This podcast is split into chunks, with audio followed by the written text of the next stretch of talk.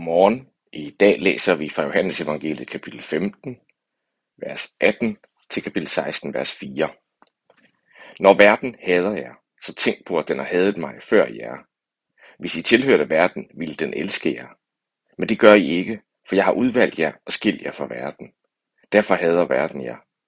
Husk, hvad jeg har sagt. En slave står ikke over sin herre. Hvis folk har forfulgt mig, vil de også forfølge jer, og hvis de har rettet sig efter mig, vil de også rette sig efter jer. Det er på grund af mig, de vil forfølge jer, for de ved ikke, hvem der har sendt mig. Hvis ikke jeg var kommet og havde talt til dem, så kunne man ikke bebrejde dem noget. Men nu har de ikke nogen undskyldning. Når de hader mig, hader de også min far. Hvis jeg ikke havde gjort ting blandt dem, som ingen andre har gjort, så kunne man ikke bebrejde dem noget. Men nu har de set, hvad jeg har gjort, og alligevel hader de mig og min far. Det gør de, for at det, der står i skrifterne, skal gå i opfyldelse. De havde mig uden grund. Når jeg er hos min far, vil jeg sende Helligånden i stedet, for den kommer fra ham. Den vil bekræfte, at jeg er Guds søn. I skal også bekræfte det, for I har været ved mig fra begyndelsen. Jeg siger de her ting til jer nu, for at I skal miste troen på mig, når det sker, fortsatte Jesus. Man vil udelukke jer fra synagogerne, og dem, der slår jer ihjel, vil tro, at de gør det for Guds skyld. Det vil de tro, fordi de aldrig har lært mig eller min far at kende.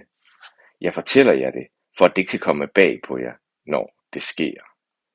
Jeg har ikke fortalt det fra begyndelsen, for jeg har jo hele tiden været hos jer.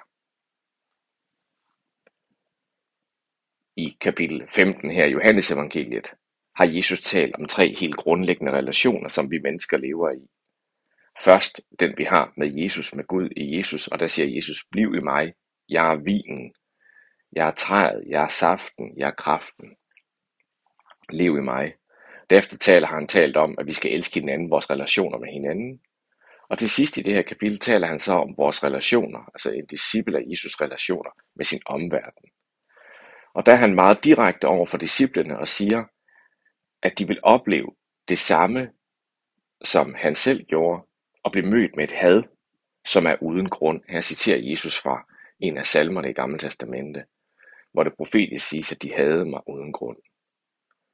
Når vi mennesker hader hinanden, så er der normalt en eller anden grund til det. Vi er blevet såret, vi har følt os uretfærdigt behandlet osv. Men der er det særligt for Jesus, at på trods af, at han var uden synd og kun elskede og gav sig hen, så havde, blev han mødt med had, og til sidst havde det var så stærkt, at man slog ham ihjel. Og det, det, det, er et mærke, det er en mærkelig dimension ved os mennesker.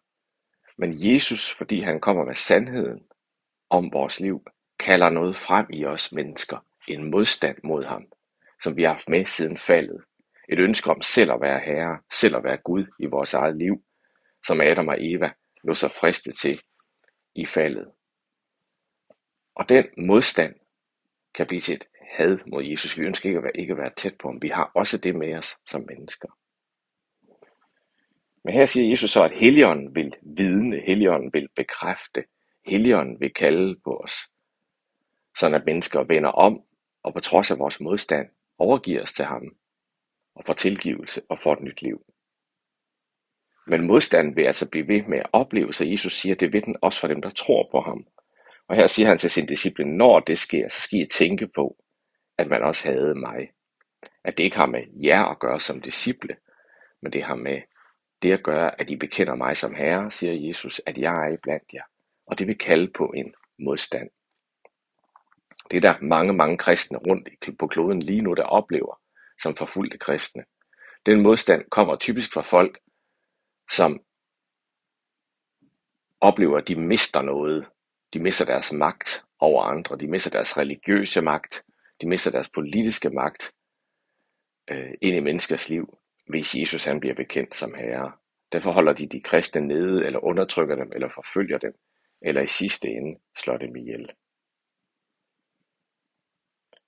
Men Jesus opmuntrer sådan set disciplene, siger, I skal ikke miste troen, når alt det her sker. Man vil udelukke, ja her taler han til de allerførste kristne, der blev udelukket af synagogerne, fordi de hævdede, at Jesus var Messias, og det opfattede de jøder, der ikke troede på det, som blasfemi. Og han siger, at jeg siger det nu her, så I ikke skal komme bag på jer, når det sker. Så det er en dimension i troen, vi skal tænke dybt over nogle gange. At det at bekende Jesus, vil ikke bare kalde på menneskers begejstring eller positive respons, men det at tro på Jesus vil også stille os i situationer, hvor vi bliver mødt negativt eller hadet af vores omverden, netop fordi, at Jesus er i vores liv. Lad os bede sammen. Far i himlen, giv os mod og ydmyghed og visdom til at forstå det, du her underviser os om. Det her mærkelige forhold, at du som bare elskede og gav dig hen, du blev mødt med had og ultimativt slået ihjel.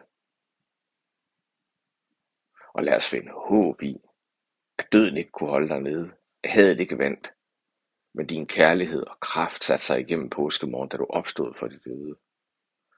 Og det også er vores håb i vores liv, også når vi oplever modstand mod evangeliet, afvisning.